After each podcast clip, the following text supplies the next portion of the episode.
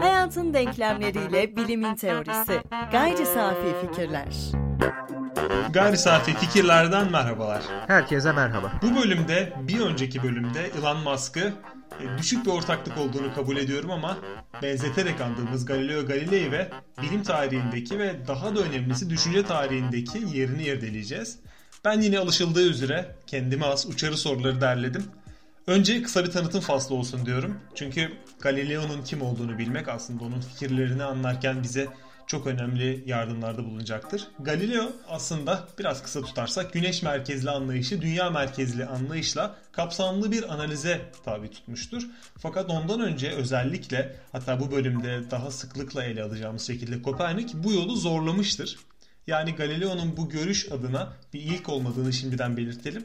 Ayrıca bir son da değil. Çünkü Tycho Brahe Galileo'nun bu fikirlerini deneysel olarak ileriye taşıyor ve bunun ispatını da Kepler tarafından yapıldığı tartışılıyor. Fakat biz bu programda Galileo ve özellikle Kepler üzerinde duracağız. Ee, onların yaptıklarını, daha doğrusu Galileo'nun yaptıklarını bir Wikipedia makalesi gibi açıklamak yerine dönemini, öncesini ve özellikle de ortaya çıkardığı geleneğin peşinden gideceğiz. Ee, ben bu bölümde biraz da daha doğrusu bir bu ve bir sonraki bölümde de biraz da Galileo'ya dair mitleştirilen öğeleri irdeleme yolunda bazı soru işaretlerini ortaya çıkaracağım. Çünkü e, onun adına çokça gerçekçi olmayan mit olduğu da benim gözüme çarptı.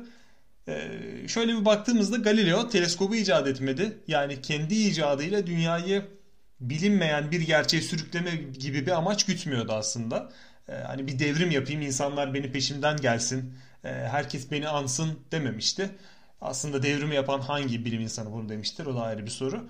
Ama onun geliştirdiği teleskobun farkı neydi ki? Öncesinde yapılan gözlemlerden farklı sonuçlar elde edildi. Bu soru önemli bir soru. E, temelden bu yapıyı yükseltelim diye düşünüyorum. Kopernik'i inceleyelim ardından Galileo'nun e, astronomiyi astrolojiden ayrılım, ayırma girişimi gibi biz de efsanelerden onu, onu sıyırarak bu çalışmalara başlayalım. E, hatta soralım Galileo ne yaptı da Kopernik değil de o bilimsel düşünce gelişimi adına e, bu denli bir devrimci sıfatını aldı. E, tabii ki güzel bir soru ama e, çok fazla onun çizgisini veya modelini burada e, analiz etmeyeceğiz hatta doğrudan kullanmayacağız belki ama İmre Lakatoş'un yaklaşımı yani araştırma programları ancak öncesi ve sonrasıyla bir silsile halinde karşılaştırılabilir e, tezini e, kullanabiliriz. Yani bu durumda Galileo'yu anlamak için Kopernik'i anlamamız gerekiyor veya onun ne yaptığını anlamamız gerekiyor. Ne de olsa güzel bir tespitte bulundun. Bilimsel, modern bilimsel devrim dediğimizde aslında Kopernik devrimi olarak adlandırılan bir devrimden bahsediyoruz. Oysa bu bir süreç yani 1543'te başlayıp tabii ki sembolik olarak 1687'de biten veya da olgunlaşan bir süreç ve bu sürecin içerisinde Kopernik, Tycho Brahe, Kepler, Galileo ve nihayetle Isaac Newton'un isimlerini anıyoruz. Öne çıkan isimler olarak ve belki Newton'u biraz daha dışarıda bırakmak kaydıyla bu bilim insanlarının hiçbirinin de bir kahraman olma gibi ülküsü yoktu. Ama yaptıkları iş e, bunu getirdi. Yani şunu söyleyebiliriz biraz daha e, esprili bir dille para için hiçbir şey yapmadılar ama yaptıkları para etti. Yani tabii ki buradaki parayı bilimsel ilerleme olarak düşünelim. Ee, belki Kopernik dahil olmak üzere hiçbirinin amacı da aslına bakarsak yeni bir şeyi keşfetmek değildi. Önce mevcuttakinin hatalarını, yanlışlarını fark ederek önce bunları belirginleştirmek ve bunu nasıl e, ortadan kaldırabileceğini araştırmaktı. Kopernik için şunu söyleyebiliriz. Ortada uyumsuz bir model vardı, bir astronomi modeli. Unutmayalım ki modern bilimsel devrim astronomi fizik çizgisinde gerçekleşmiş bir devrimdir. Yani o yüzden de e, bizim model disiplinlerimiz bilim deyince aklımıza gelen amiral gemisi fizik ve astronomi ikilisidir. Hatta astrofizik veya da kuramsal fizik bütünlüğü diyebiliriz. E, ve işte bu sistemde tutarsız ve uygun olmayan, gerçekliğe uymayan anlatamayan, açıklayamayan şeyler biriktikçe Kopernik bu rahatsızlığı çözmeye çalıştı.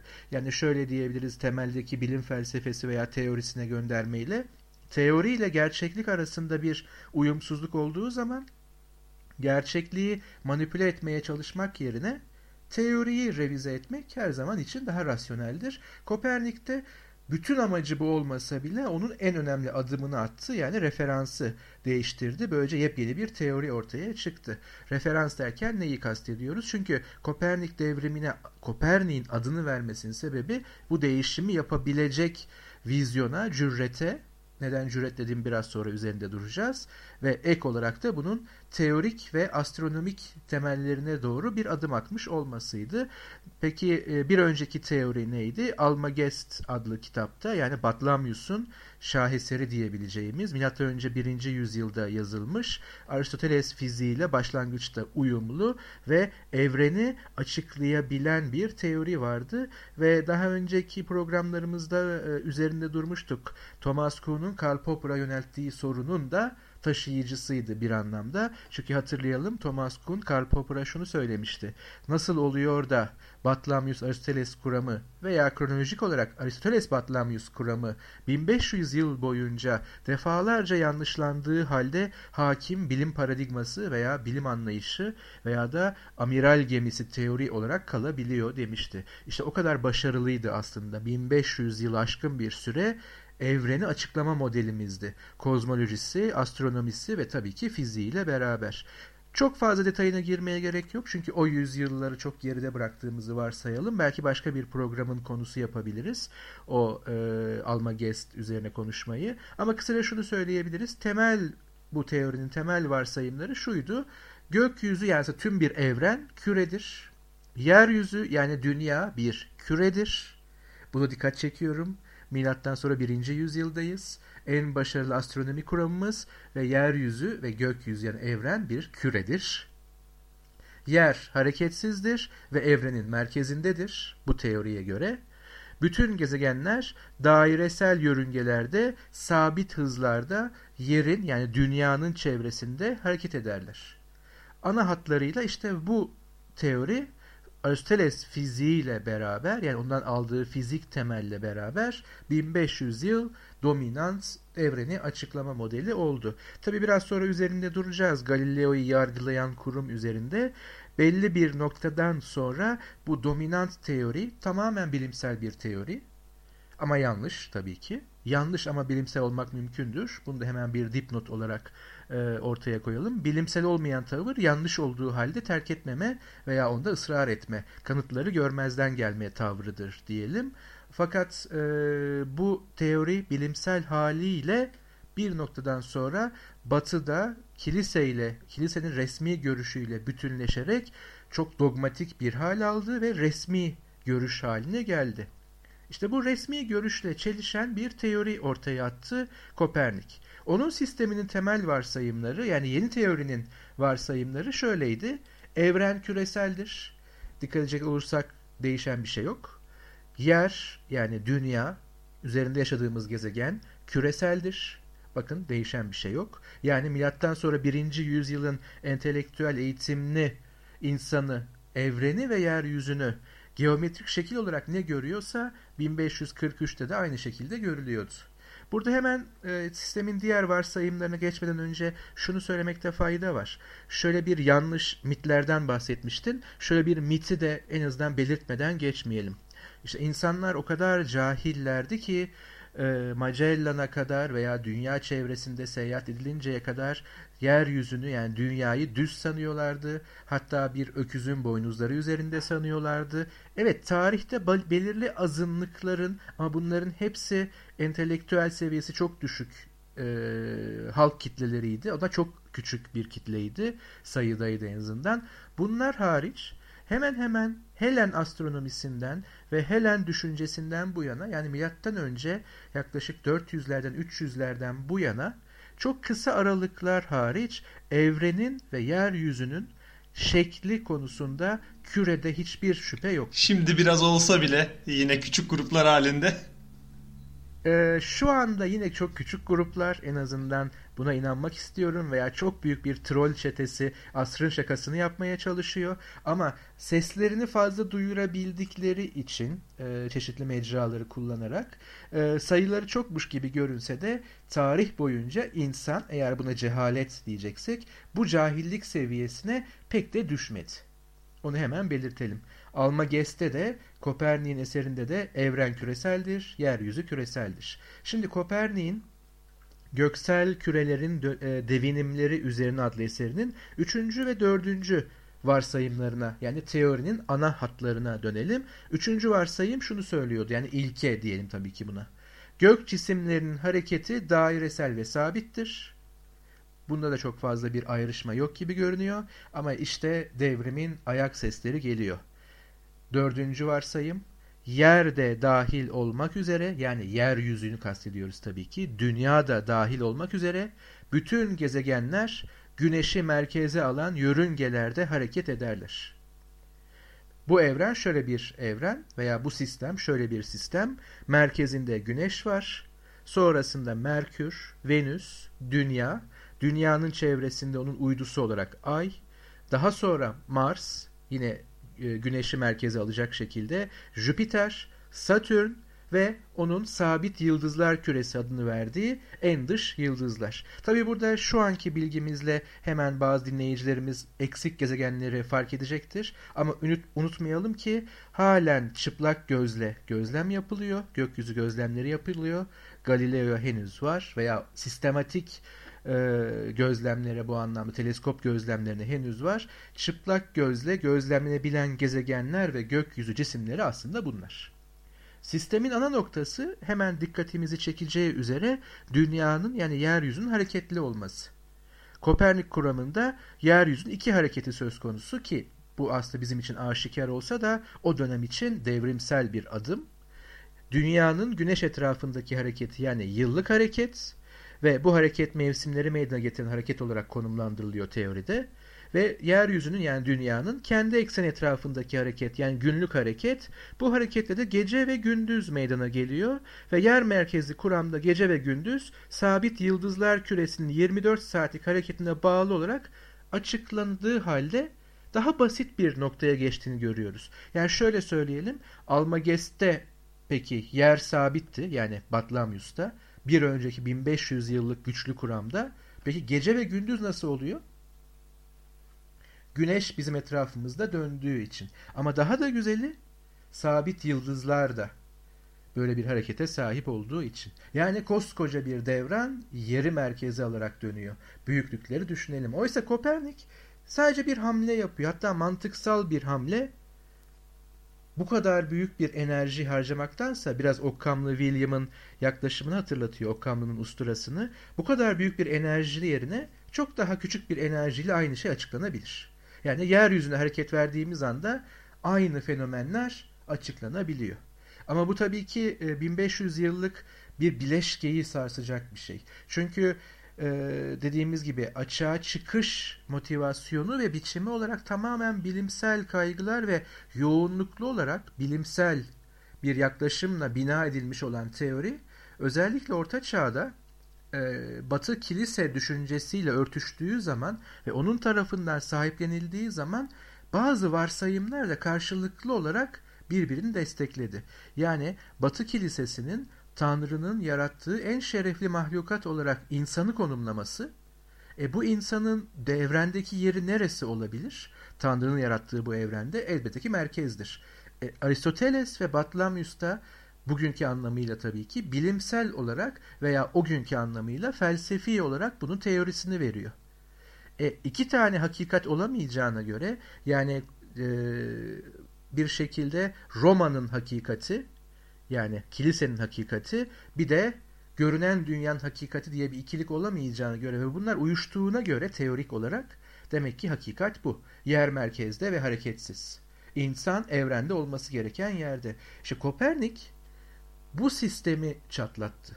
Eğer yeryüzü hareketliyse hem kendi etrafında hem de güneş etrafında ve merkezde değilse dikkat edeceğimiz ilk unsur şu. Artık insan evrendeki alelade bir gezegen üzerindeki alelade bir varlık haline dönüşecek. Bu kabul edilmesi kolay bir şey değil o dönem için ve o dönemin kavrayışı için. Zaten insanı bu yerinden sarsan, belki bu kibrinden sarsan bir diğer kuram Darwin'den gelecek. Yaşam içerisinde de çok özel bir yerde olmadığını görecek. Üçüncü bir sarsıcı kuram da Freud'dan gelecek. Akıl varlığı olarak o kadar da rasyonel olamadığını her zaman görecek. Şimdi diğer kuramları başka programlara bırakalım. Biz yine Galileo giden yolda Kopernik üzerinden devam edelim. Peki Kopernik'in bu durumda karşılaştığı engeller nelerdi? Çünkü aynı engeller Galileo'yu Engizisyon'a götürecektir. Tabi hemen şunu sorabiliriz öncül olarak. Biraz sonra sayacağım özellikle birinci maddedeki engel niye Kopernik'i Engizisyon'a götürmedi? Çünkü 1543 yılında göksel kürelerin dönüşleri üzerine yayınlandığı yıl Kopernik bu dünyayı terk etti. Büyük bir ihtimalle tabii ki hemen şunu söyleyelim varsayım üzerine tarih yazılmaz ama bütün koşullar aşağı yukarı aynı iken aynı savunuda bu savunuya sahip diğer aydınlar, entelektüeller, filozoflar Engizisyon'a gidiyor ve hayatıyla yargılanıyorsa Kopernik de bundan kurtulamayacaktı. O yüzden belki de böyle bir e, tesadüf yılı diyelim 1543. Karşılaştığı engeller ne? Birinci madde o dönemin batıdaki din anlayışı. Tüm Orta Çağ boyunca yer merkezli sistem Hristiyanlığın resmi ideolojisi olmuştur. Yani hem bir bilim teorisi, bilimsel bir teori ama sahiplenilme ve kullanılma bakımından da bir ideoloji formatına büründürülmüştür. Bundan ne Aristoteles ne de Batlamyus kesinlikle bir suç sahibi değildir, sorumlu değildir. Onların teorileri farklı kullanıldı. Yer merkezi sisteme karşı çıkmak bu dönemde dinsizlik olarak görülmüştür. Ama burada biraz sonraya hemen bir gönderme yapayım. Galileo'yu yargılayanların birinci savı aslında dinsizlik olmayacak veya dine aykırılık olmayacak. O da ufak bir 5 dakika öncenin bir fragmanı olsun. İkinci karşılaştığı engel neydi Kopernik'in? Sistemin algılara karşı olması. Bu ilginç. Neden? Çünkü biz bugün bilim dediğimizde neyi anlıyoruz veya bilimsel bir e, teoriyi dile getiriyorum veya sınıyorum dediğimizde temelde beş duyuya indirebileceğimiz deneysel veya gözlemsel bir ortama indirebileceğimiz bir şeyden bahsediyoruz. Oysa Kopernik'in sistemi birinci elden algılara ve gözlemlere aykırı. Neyi kastediyoruz? Mesela Kopernik ne diyor? Yeryüzü hareketlidir diyor. Güneşin etrafında. Oysa biz yeryüzünde bir gözlem yaptığımızda yani sadece gördüğüme inanırım, gördüğüm doğrudur dediğimizde kendi hareketimizi gözlemlemiyoruz. Aksine güneş her gün belli bir noktadan doğuyor ve tüm bir e, yarı küreyi, yarı e, daireyi kat edip batıdaki belli bir noktadan batıyor. Dikkat edelim şu anda Türkçe ve diğer dillerde de güneşin doğmasından bahsediyoruz doğal dillerde. Çünkü algılara o kadar müsait ve anlamlandırması o kadar oturuyor ki halbuki güneş doğmuyor. Dünya hareket ediyor veya dünya hem kendi etrafında hem de güneş etrafında hareket ediyor. Yani güneşin bir hareketinden dolayı onun doğmasından dolayı aydınlanmıyor. Yeryüzü hareket ediyor. Yani algılar aslında tam tersini söylüyordu bu durumda. Tabi birinci elden en kaba şekliyle konumlandırılırsa. O halde sistem algılarımıza karşıydı. Biz güneşin hareket ettiğini, yerin sabit olduğunu gözlemlemekteydik ve din dışı itirazlar genelde buradan geliyordu. Üçüncü ve Galileo'yu çağıracak olan engel şu. Bu teorinin fiziksel boyutu eksik. Dikkat edelim bir e, güneş sistemi modeli çizdik yani bir astronomi modeli ve tabii ki bunun her tür hesaplaması var. Yani konumsal bir astronomi, matematiksel bir astronomi boyutu var. Ama neden böyle? Şimdi bir öncekinde hemen şöyle bir hatırlatma yapalım. Yeryüzü neden merkezdedir dediğimizde Aristoteles şunu söyleyecekti. Topraktan yapılmış, toprak elementinden yapılmış nesnelerin doğal yeri merkezdir, evrenin merkezi. E, yeryüzü topraktan yapılmıştır. O yüzden de evrenin merkezi onun doğal yeridir. Orta şaşılacak bir şey yok. Açıklama bazen böyle naif gelebilir dört element fikri ve onun doğal yerleri fikri. Ama hemen şunu e, söylemek lazım.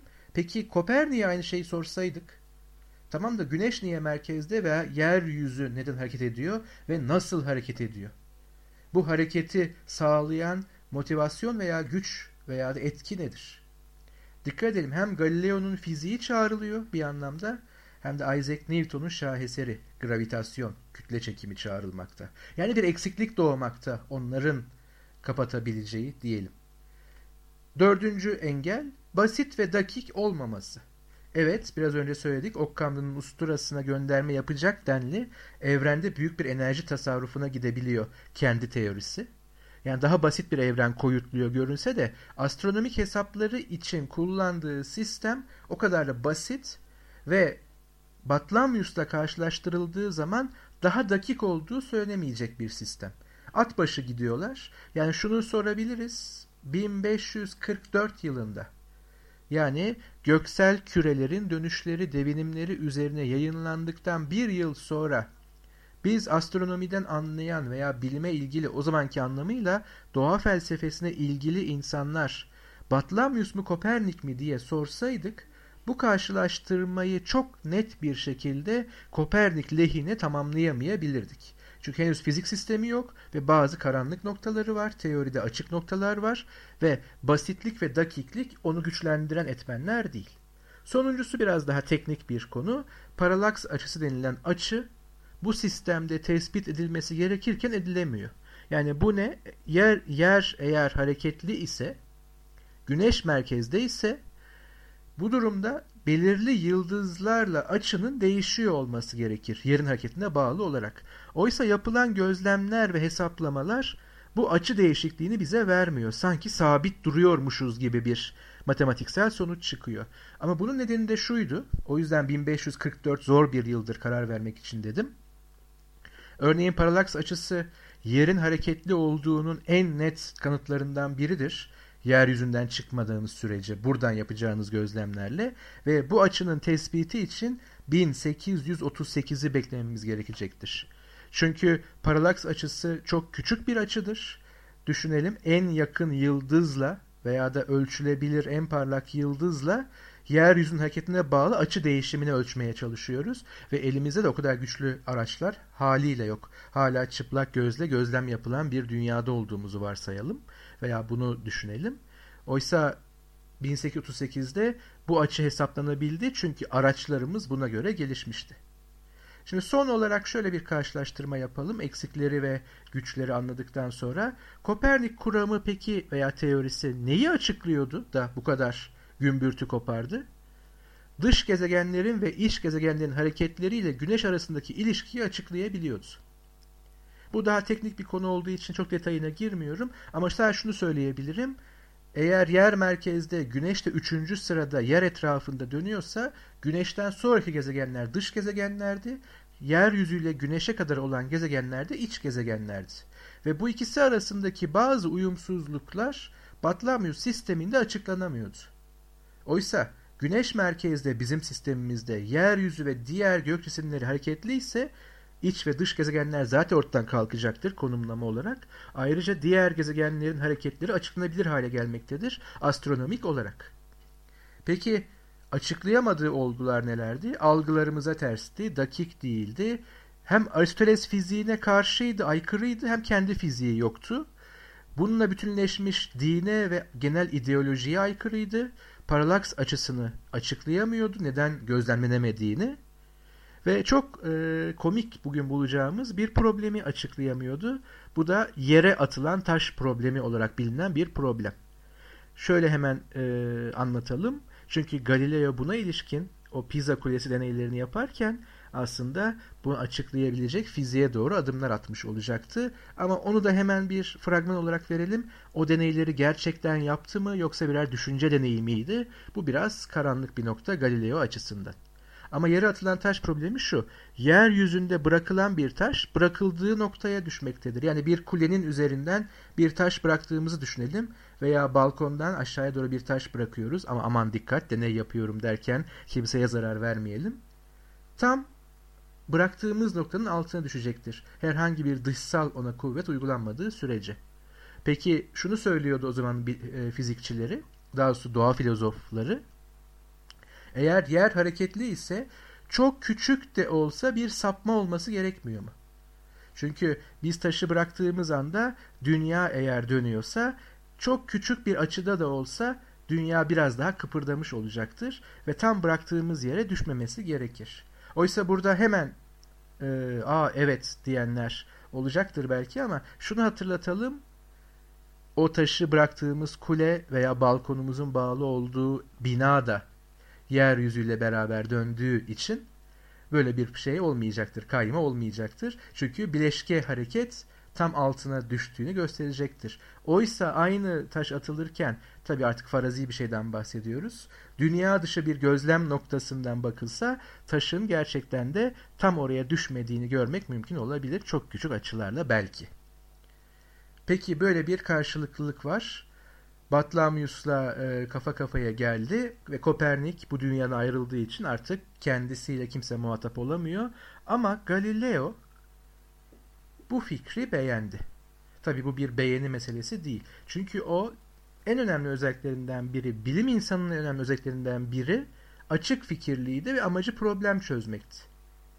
Evet, Kopernik bu problemin büyük bir kısmını çözebiliyordu ama eksikler vardı. Galileo belli problemleri çözmeye girişti fakat e, az önceki konuya e, bir atıfta bulunayım. Galileo'nun e, sadece düşünce deneyi yaptığına dair yani hiç aktif olarak sahada deney yapmadığına dair kaynaklar var ama bu kaynakların hangisine güvenilir hangisine güvenilmez konusunda çok büyük bir ikilik var. Galileo öyle bir karakter ki kimisi onu e, dine darbe vuran e, daha doğrusu e, dinsel yaklaşıma darbe vuran bir dinsiz olarak görüyor. Kimisi de onu mükemmel bir kahraman olarak görüyor. Onun adına araştırmalar yaparken sık sık birbirinin e, tam anlamıyla zıt kutuplarında bulunan şeyler gördüm. Bu bize biraz mantıksız geliyor. Çünkü biz kendi kültürümüzde bazı fikirlere aşina olduğumuz için belli bir kişi adına araştırma yaparken e, onun aksine bir konu gördüğümüzde aslında anlıyorum işte onun hakkında şu adam bunu dediyse kesin bu düşüncededir diyebiliyoruz ama Batı kültürüne çok fazla aşina olmadığımız için bu tarz bir e, kesin duruşun 21. yüzyılda da olabileceğini anlayamamıştım. Ta ki araştırırken gördüm. Özellikle siteler bile açılmıştı. Galileo'yu karalayan siteler. Bu düşünce deneyini de orada görmüştüm. Hani Galileo hiçbir zaman deney yapmamıştır. Sadece düşünce deneyi yapmıştır. Belki doğrudur, belki değildir. E, onu tam olarak bilmiyorum. Bu arada madem Kopernik ve Galileo'dan bahsetmeye başladık, gayri safi fikirlerde bir ilke de imza atalım, bir parça dinleyelim. Çok bilimle alakalı olmasa da kimi noktalarında Galileo'nun adını duyacağımız ve öz olarak da gerçekten çok başarılı bir şarkı olan kimilerine göre dünyanın en iyi şarkısı olduğu da söylenir. Kimilerine göre e, hayatı etkileyen şarkılardan biri olduğu söylenir. Queen'den Bohemian Rhapsody'yi dinleyelim ardından devam edelim. Kopernik ve Galileo hakkında neler söyleyebiliriz, neler söyleyeceğiz onları tartışalım.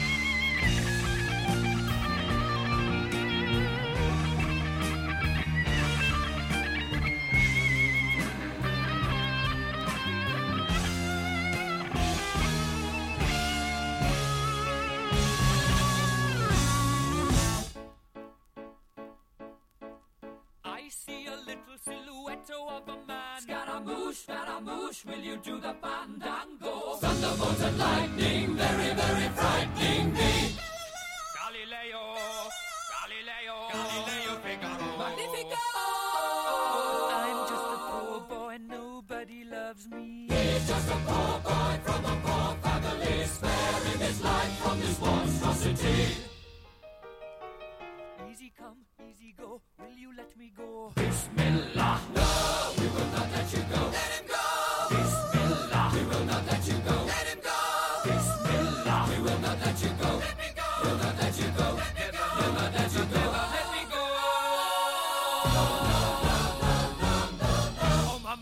Mamma mia. Mamma mia, let me go. Beelzebub has a devil put aside for me.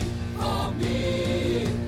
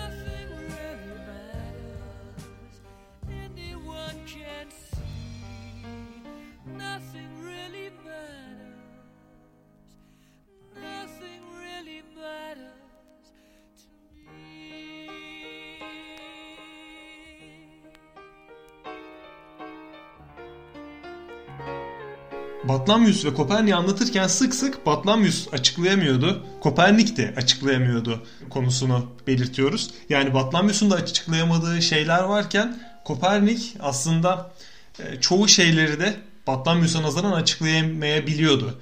Bir de Kopernik devrim yarattı dediğimizde biraz Thomas Kuhn'a da e, selam vermiş olabiliriz. Onun yaklaşımına göre zaten Kopernik devrimine baktığımızda Kopernik'in oluşturduğu evren modeli çağdaşlarından bile daha Aristotelesçi olarak görünüyor.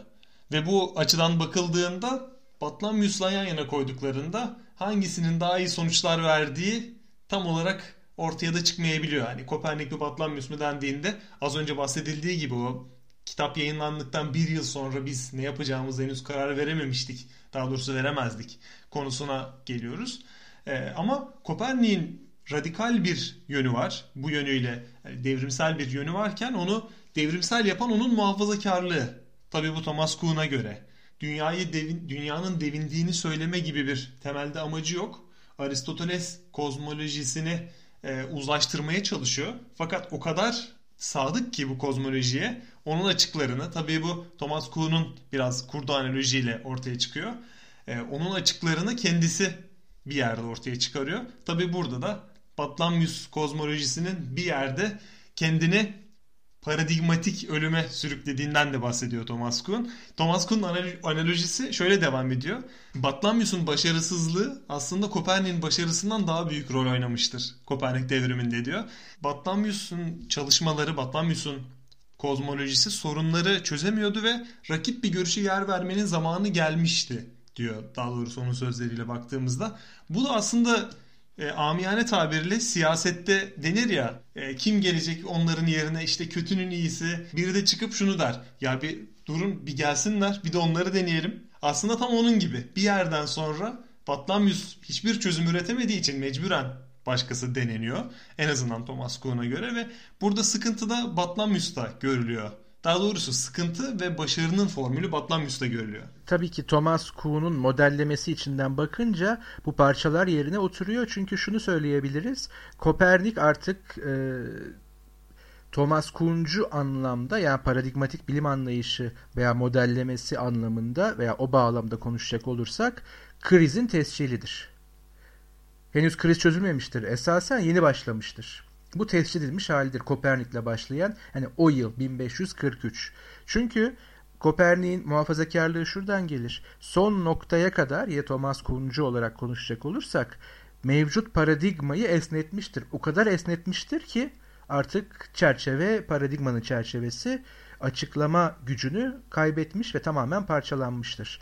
Şimdi amacı bu muydu diye sorarsak tabii ki bilim insanı elinde bulunan e, en iyi veya açıklayıcı bütün defolarına rağmen kuramı bir anda yıkmak için yola çıkmamış e, olması yüksektir herhangi bilim insanının.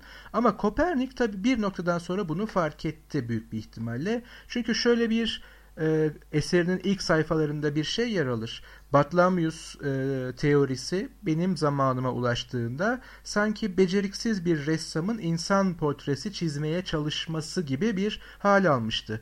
Kafasının olması, insanın kafasının olması gereken yerde bacağı, bacağının olması yer, gereken yerde kolu, kolun olması gereken yerde kafası vardı. Yani artık sistem zaten bir yere tutulamayacak kadar ucubeye dönüşmüştü her anlamda. Bilimsel anlamıyla tabii ki. Ama Kopernik'in hamlesi hala içeriden bir paradigmanın patlaması yani krizin ortaya çıkması hamlesidir bu anlamda. Çünkü artık kaçar yolu olmayacak bir şekilde yeryüzüne hareket verdiğinde bir önceki paradigmanın çerçevesinden tek bir parça bile korunamazdı. Açıklayıcı güç ve e, öngörü gücü anlamında. Ama matematiksel kısmında hala Batlamyusçudur. Çünkü Batlamyus'un sisteminin ana unsurlarını orada kullanır. Yani bunlara episikal ve egzantrik sistemler adı verilir e, astronomi içerisinde. O detaylara girmeye gerek yok. Yani hesaplama araçları, şablonları Batlamyus'tan farklı değildir. Dolayısıyla esas olay evet e, bu model içerisinde parça yerine oturur. Artık krizin ertelenemez bir şekilde tescillenmiş olmasıdır. Ama e, bir süredir adını anmadık. Karl Popper'ı analım. Onun gözünden bakarsak da artık bu yanlışlayıcı evreye girmektir. Çünkü e, o şöyle bir şey söyleyecektir. Herhangi bir kuram ve tabii ki Thomas Kuhn'un şiddetle karşı çıktığı ve bilim tarihi verileriyle yanlışlandığını düşündüğü görüşü Karl Popper'ın herhangi bir kuram veya teori aynı anlama gelecek şekilde e, olgusal içerik tarafından empirik yani deneysel ve gözlemsel olarak yanlışlandıysa o teori derhal terk edilmelidir. Yanlışlandığı için. Ama şunu hemen söyler Karl Popper. Eğer mevcutta aynı alana ilişkin alternatif bir hipotez henüz geliştirilmediyse bu terk etme biraz süreç işine dönüşür. Böyle anlık bir sudden death dediğimiz ani ölüm olmaz. Dolayısıyla buradan baktığımızda da parçalar biraz oturuyor. Evet 1500 yıl boyunca mı bir süreçten bahsediyoruz sorusunu sorsak Popper'a çok açıklayıcı olamaz belki teorisi üzerinden. Ama burada e, Kopernik'in hamlesini Popper'cı tarzda da yorumlayabiliyoruz veya da e, açıklayabiliyor görünüyoruz. Yani nedir bu? E, Kopernik artık geri dönüşsüz olarak bu teorinin yanlış olduğunu ortaya çıkardı ve bundan sonraki astrofizik veya kozmoloji bütünsel teorisinin de temel hipotezini ortaya koydu. Yeryüzünü hareket vererek ve referansı değiştirerek tabii ki. O halde iki modelde hemen bir bilim felsefesine pas atalım veya bilim teorisine. O halde Karl Popper da açıklıyor en azından bu kısmını. Thomas Kuhn da açıklıyor. O zaman ister Thomas Kuhn'a göre bilim tarihini ve bilim e, etkinliğini okuruz. ister Karl Popper'a göre diyebiliyor muyuz? Yani bir yorumlar çoğalması mı söz konusu? Her ikisi de uyumluysa hayır. Çünkü nokta uyumlar her ikisi için de e, çok geçerli bir karar verme unsurları değildir. Unutmayalım ki bilim teorisi tüm bilim etkinliğini tarihiyle beraber modelleme, teorize etme. Yani teorinin teorisini yapma neredeyse e, süreci olduğu için hem Karl Popper'a hem de e, Thomas Kuhn'a daha önceki programlarda oldukça yer verdik. Geniş ölçekte değerlendirmek gerekir. İkisi birden doğru değil. En azından onu söyleyelim. Ve o süreç devam ediyor. Ama ikisinin de bakışlarının yönelebileceği ve dolayısıyla yöneldiği Galileo'ya dönelim. O ne yaptı? Kopernik teorisinin kanıtlanması ve fiziksel eksikliğinin giderilmesi gerekliliğine bir cevap oluşturdu. Galileo aslında bir Kopernik e, kalibresinde veya hatta Kepler özellikle kalibresinde bir astronom değil. Onu hemen söyleyelim. O daha çok bir fizikçi. Ama gökyüzüne de ilgisi olan bir fizikçi. Çünkü bilim daima yakın problemiyle başlar. Disipliner farklılıklar olmak üzere. Çağın bilimsel problemi astronomi yani astrofizik. Ee, o halde buraya yönelmiş bir fizikçi ama hala doğa filozofudur hatırlatalım. Terimler arası bir e, karışma olmasın. Geriye dönük olarak her zaman bilim ve bilimselliği adını kullandığımızı hatırlatalım. Ee, doğa filozofu olarak Galileo şunu yaptı. Newton tamamlanacak çalışmanın yani fiziğin olgunlaşmasının ilk adımını ortaya koydu. Böylece daha da önemlisi yaptığı çalışmalarla artık reddedilemez bir şekilde Aristoteles teorisinin, fizik teorisinin yanlış olduğunu gösterdi. Onunla beraber yaptığı gözlemlerle Batlamyus teorisinin de yanlış olduğunu gösterdi. Hemen şunu söyleyelim. Fizikte artı adımları var ama astronomide yeni bir şey söylemedi. Sadece gözlemsel, yanlışlayıcı kanıtları ortaya koydu. Karl Popper'ın diliyle konuşacak olursak. Yani iki şey yaptı o zaman Galileo bilim dünyasında. Kopernik teorisinin gözlemsel ilk kanıtlarını sundu. Aristoteles kuramını yani teorisini tamamen yıktı. Zaten bu kadar radikal bir hamle yapıldığı için bakın sadece bilim içerisinde şimşekleri üzerine çekti. Çünkü bilim ciddi bir iş. Etkileri sadece bilim içi kalmıyor demek ki. Peki gözlemsel kısımdan başlayalım. Yani Kopernik'in gözlemsel, Kopernik teorisinin gözlemsel kanıtları derken neyi kastediyoruz? Mesela ilk olarak işte o ünlü teleskobuyla ayı gözlemledi. Bir önceki sistemde yani gerek Aristoteles fiziğinin gereği olarak ve onu kabul etmiş Batlamyus teorisinde ayın mükemmel bir küre şeklinde olması gerekir. Çünkü mükemmellik alanına dahildir. Burada hemen onu hatırlatmak gerekecektir. Aristoteles fiziği dört element e, ve ay üstü evrenden oluşur diyebiliriz. Ay üstü ve ay altı evren. Ay altı evren dört element toprak, su, hava, ateş. Ay ve sonrasındaki evren ise eter denilen mükemmel maddede oluşmuş mükemmellik e, evrenidir. Ve bu iki evrenin yasaları ve e, devinim kuralları diyelim birbirinden radikal olarak farklıdır. O halde Aristoteles fiziğine daha doğrusu kozmolojisine göre ve Batlamyus'un da benimsediği ayın mükemmel bir küre şeklinde eterden yapılmış müthiş bir küre olması lazım. Gözümüzde canlandırmak için pürüzsüz bir kristal küreyi düşünelim. Kristalden elbet bahsetmiyor ama eterin görsel olarak bize böyle görünüyor olması lazım. Oysa aslında çıplak göz bile bunu biraz bize işaretini verir ama özellikle çok güçlü olmasa bile bir teleskopla baktığımızda ayın üzerinde dağlar ve vadiler görülebilir. Kraterler diyebileceğimiz. Bu ayın yeryüzü ile aynı maddeden yapıldığının bir göstergesi olarak alınabilir. Çünkü aynı dünya yüzeyine benzemektedir e, jeomorfik olarak. Peki Aristoteles o zaman yanılıyordu. Daha ilk gözlemimizde yani kendi dünyamızın dışında dikkatimizi çekebilecek ve en rahat gözlemlenecek ilk gök cisminde Aristoteles'in kozmolojisi ve buna bağlı bunun parçası olan fiziğinin yanlış olduğunu gösterebiliyordu. Çok daha uzağa baktığını gördü.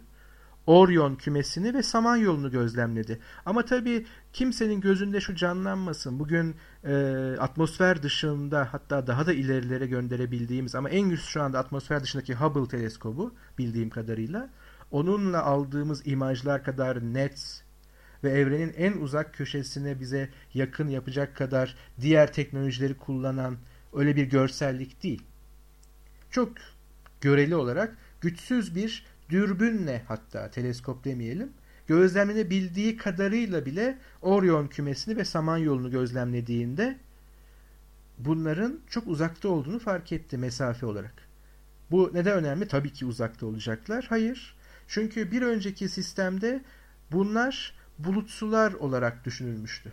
Yani ay altı evrende oluşmuş atmosferik olgulardı bunlar. Aynı bulutlar gibi gece görünen. Gökyüzü nesneleri değillerdi. Oysa Galileo'nun yaptığı hesaplar bunların düşünülenden çok daha uzakta olduğunu göstermekteydi ki bu ayın çok çok çok daha uzağı demekti. O halde evren, yani ayüstü evren olarak tabir edilen veya da kategorize edilmiş daha önce evren düşündüğümüz gibi değildi. Peki diğeri neydi? Galileo Jüpiter'i gözlemledi ve Jüpiter'in etrafında dört uydu tespit etti. O döneme kadar gözlemlenmemiş olan bu dört yeni gök cismini gözlemlemiş olması Aristoteles'in teorisine aykırı bir gözlem niteliğindeydi. Çünkü Aristoteles teorisine göre ay üstü evrende yeni bir varlığa geliş olamazdı. Yani bunlar bir anda olmuş olamaz. Ana gezegenler belli. Oysa aynı dünya gibi Jüpiter'in de bir uydusu hatta birden çok uydusu vardı. Bu daha önce öngörülmemiş hatta gözlemlenmemiş ve dolayısıyla sistem içerisinde yeri olmayan bir olguydu. Satürn'ü gözlemledi ve gezegenin etrafındaki o müthiş yapıyı gözlemledi. Bugünkü kadar net değil tabii ki. Önce bunları Satürn uydusu zannetmiş olsa da daha sonra Satürn'ün halkaları olarak konumladı veya böyle anlamlandırdı. Bu da teleskobunun güçsüzlüğünden dolayı bu görüntüyü netleyemediği için çok fazla detaylı araştırma belki yapamadı ama yine bir önceki kuramın asla düşünemeyeceği bir şeydi ve yine bir önceki fiziğe aykırıydı. Aristoteles'in fiziğine. Ve belki daha önemlisi geliyor Venüs gözlemi. Bu da Kopernik teorisinin gözlemsel kanıtıydı artık. Bir öncekiler Aristoteles'i yanlışlayan şeylerdi. Peki Kopernik haklı mı? Venüs'ün evrelerini gözlemledi. Aynı ayın evreleri gibi. Şimdi bir önceki sistemde yani Batlamyus'ta eğer yer sabitse ve diğer gezegenler keza Venüs'te sabit hızda dairesel olarak bir yörüngede ise ve Güneş de eğer dönüyorsa onunla beraber Venüs'ün ha, e, bu halleri veya da evreleri olmamalı. Hep aynı Venüs'ü görüyor olmamız gerekir.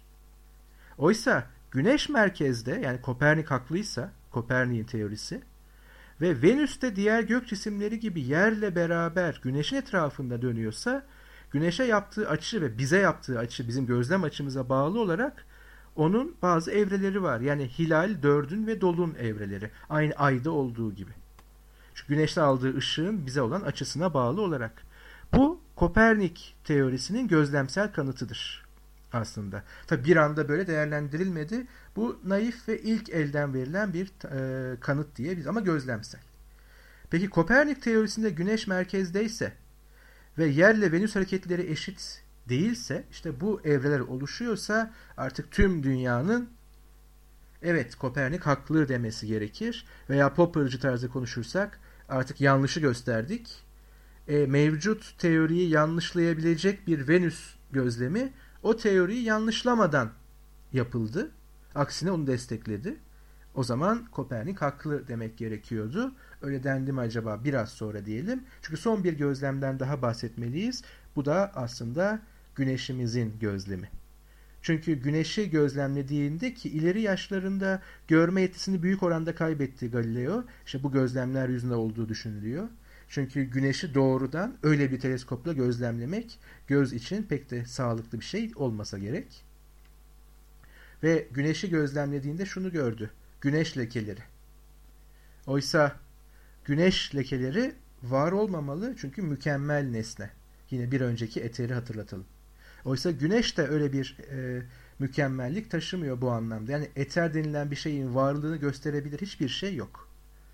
Diğer taraftan Merkür'ün güneşin önden geçişi olduğu öne sürüldü bu lekelerin. Yani güneş üzerinde bir e, leke durumu değil de veya oradaki bir fenomen değil de Merkür güneş önden geçerken biz o gölgeyi görüyoruz gibi bir e, sav olsa da Galileo Merkür'ün güneşin önünden 7,5 saatte geçtiğini belirliyor. Ve bu belirleme lekelerin görünüş süresiyle kıyaslandığında çok kısa kalmakta. Çünkü bu 7,5 saatten sonra da lekeler gözlemlenebiliyor. Bu detayları şundan bahsediyorum. Galileo'nun ne kadar tutarlı ve hayatını bu ve gözlerini bu işe riske edecek kadar ne kadar derin gözlemler veya detaylı gözlemler yaptığı için.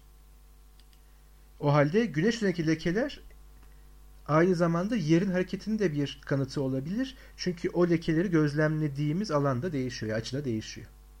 Şimdi bunlar öne sürüldüğü zaman, Galileo bunları ilan ettiği zaman tek bir şey eksik vardı. Onu gerçi daha sonraki yıllarda yaptı ama eksik kalmasın onu da hemen söylemiş olalım. E, bu işin fiziği ne olacak?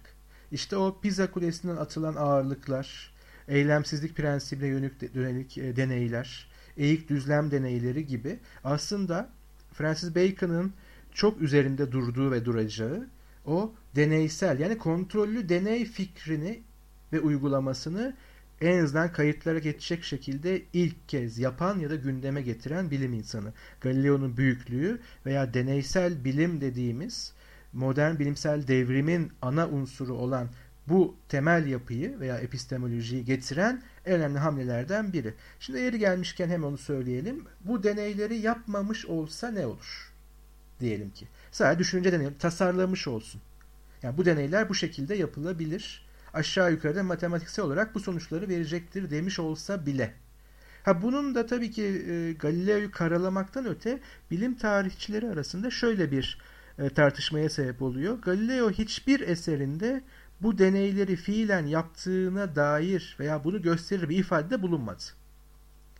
Ama bunlardan bahsediyor olması yapmış olduğunun göstergesi olarak alınabilir. Ama şöyle söyleyebiliriz. E, yapmamış olsa dahi bunların düşünsel olarak tasarlanmış olması da yeterli. Yani yapması sıfırla 100 skalasında eğer 100 ise yapmadı ama tasarladı 98'dir kurgusal olarak. Hiçbir şey kaybetmez. Çünkü bu tüm zihniyetin değiştiğinin açık işaretidir. Deneysel bilimin artık susturulamayacağını ve önlenemeyeceğinin, yani deneysel içeriğe rağmen teorilerin korunamayacağının ve bunun artık kontrol deneylerle sınanabilir olduğunu sadece gözlemlerle değil ilanıdır ki bu Galileo'yu bilim tarihinde hak ettiği yerde tutmaya yeter. Ama şimdi biraz daha tartışmalı bir alandan bahsedelim. 1616 yılından. Yani Galileo'nun Engizisyon karşısına çıktığı yıl. Şimdi Galileo davasına temel oluşturan 24 Şubat 1616 tarihli bir komisyon raporu var. Şimdi tuhaftır, onun detayını hemen vermek gerekecektir. Ee, Engizisyon gibi e, bir kurum bile veya bir kurumsallaşma bile şöyle bir yöntem kullanıyor.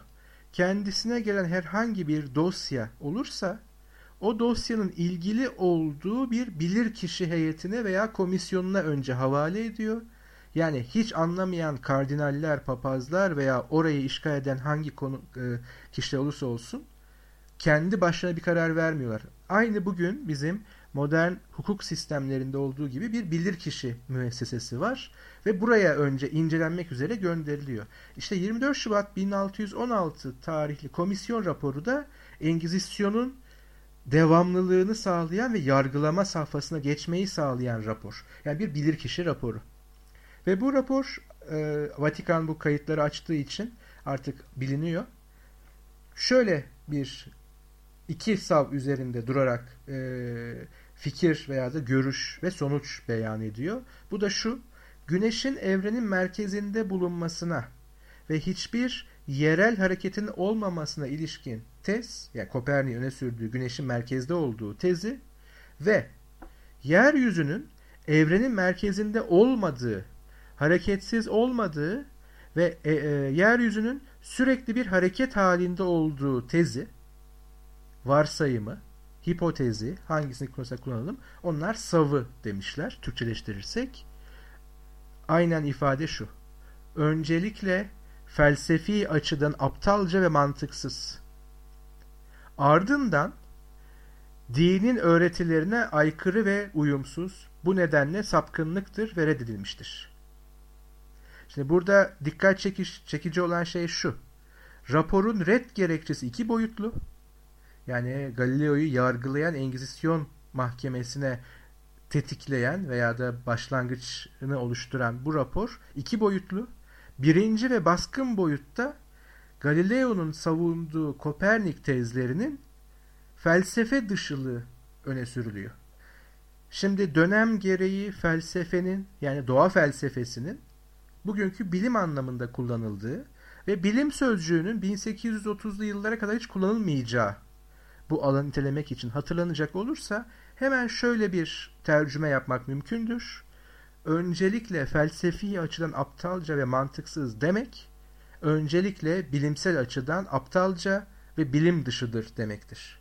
Biraz önce söylediğim gibi Batlamyus ve Aristoteles bilimsel kuramları yanlış ama bilimsel kuramları büyük ölçüde tabii ki bugünkü andığımız anlamda yüzde yüz diyemeyiz ama tamamen bilimsel açıklama kaygısıyla bu dünyayı bu dünyadaki yani bu evrendeki sistemle açıklama kaygısıyla öne sürülmüş ve belirli olguları açıklayabilen kendi sistemi içerisindeki bu paradigma veya bu teoriler kiliseyle yani başka bir düşünce biçimiyle bütünleştiği zaman ancak ona aykırı olmak, dine aykırı olmak anlamına geldi. Oysa Engizisyon bile önce bilim dışı ilan etti.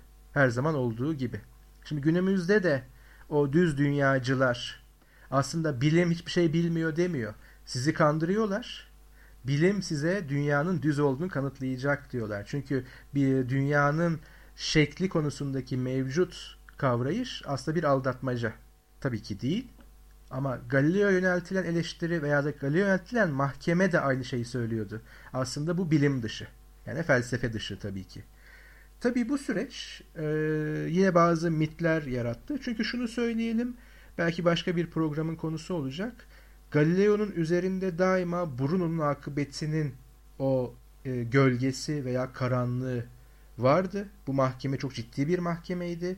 Bu yargılamanın sonunda e, kesin bir ölüm, bir infaz bekliyordu. Ama tabii ki hemen şunu söyleyelim. Galileo o dönem şartları içerisinde mahkeme süreci boyunca oldukça nazik bir şekilde e, ağırlandı Engizisyon tarafından. Çok olumsuz şartlara itilmedi. İstedikleri şey bu görüşlerde yanıldığını kabul etmesi, geri adım atması ve tabii ki ömrü boyunca bir daha bu tezleri dillendirmemesi ve özellikle yazmamasıydı. Ee, ve e, Galileo tabii ki geri adım attı. Ama bu bir mitolojik anlatımdır artık. Gerçekliği konusunda, tarihsel gerçekliği konusunda yüzde yüz diyemeyiz. Ama o kısık sesle herkesin o bildiği siz ne derseniz deyin dünya yine de dönüyor sözü aslında artık bilimin o susturulamaz sesinin kalk borusuydu. Ve bu anlamda o kısık ses artık gür bir ses olarak duyulmaya başladı Isaac Newton'la beraber. O yüzden Galileo bilim tarihi içerisindeki yerini kesinlikle hak eden bir bilim insanıdır. O anlamda bir kahramandır. Amacı bu değildir. Yaptığı işi kahraman olmak için yapmadı. O sadece gerçeği arıyordu ve e, yine insan hayatına başta kendi hayatı olmak üzere çok tehlikeye atmış olsa bile çok sonra ve bugünlerde bizim sıklıkla hatırlamamız ve tekrarlamamız gereken bir sözün ilk e, temsilcilerinden biri olabilir. Gerçekliğin sık sık kendini göstermek ve açığa çıkmak gibi bir huyu vardır. Galileo buna için ışığı yaktı. Artık o ışıktan kimse kaçamazdı. Çünkü Isaac Newton geliyordu.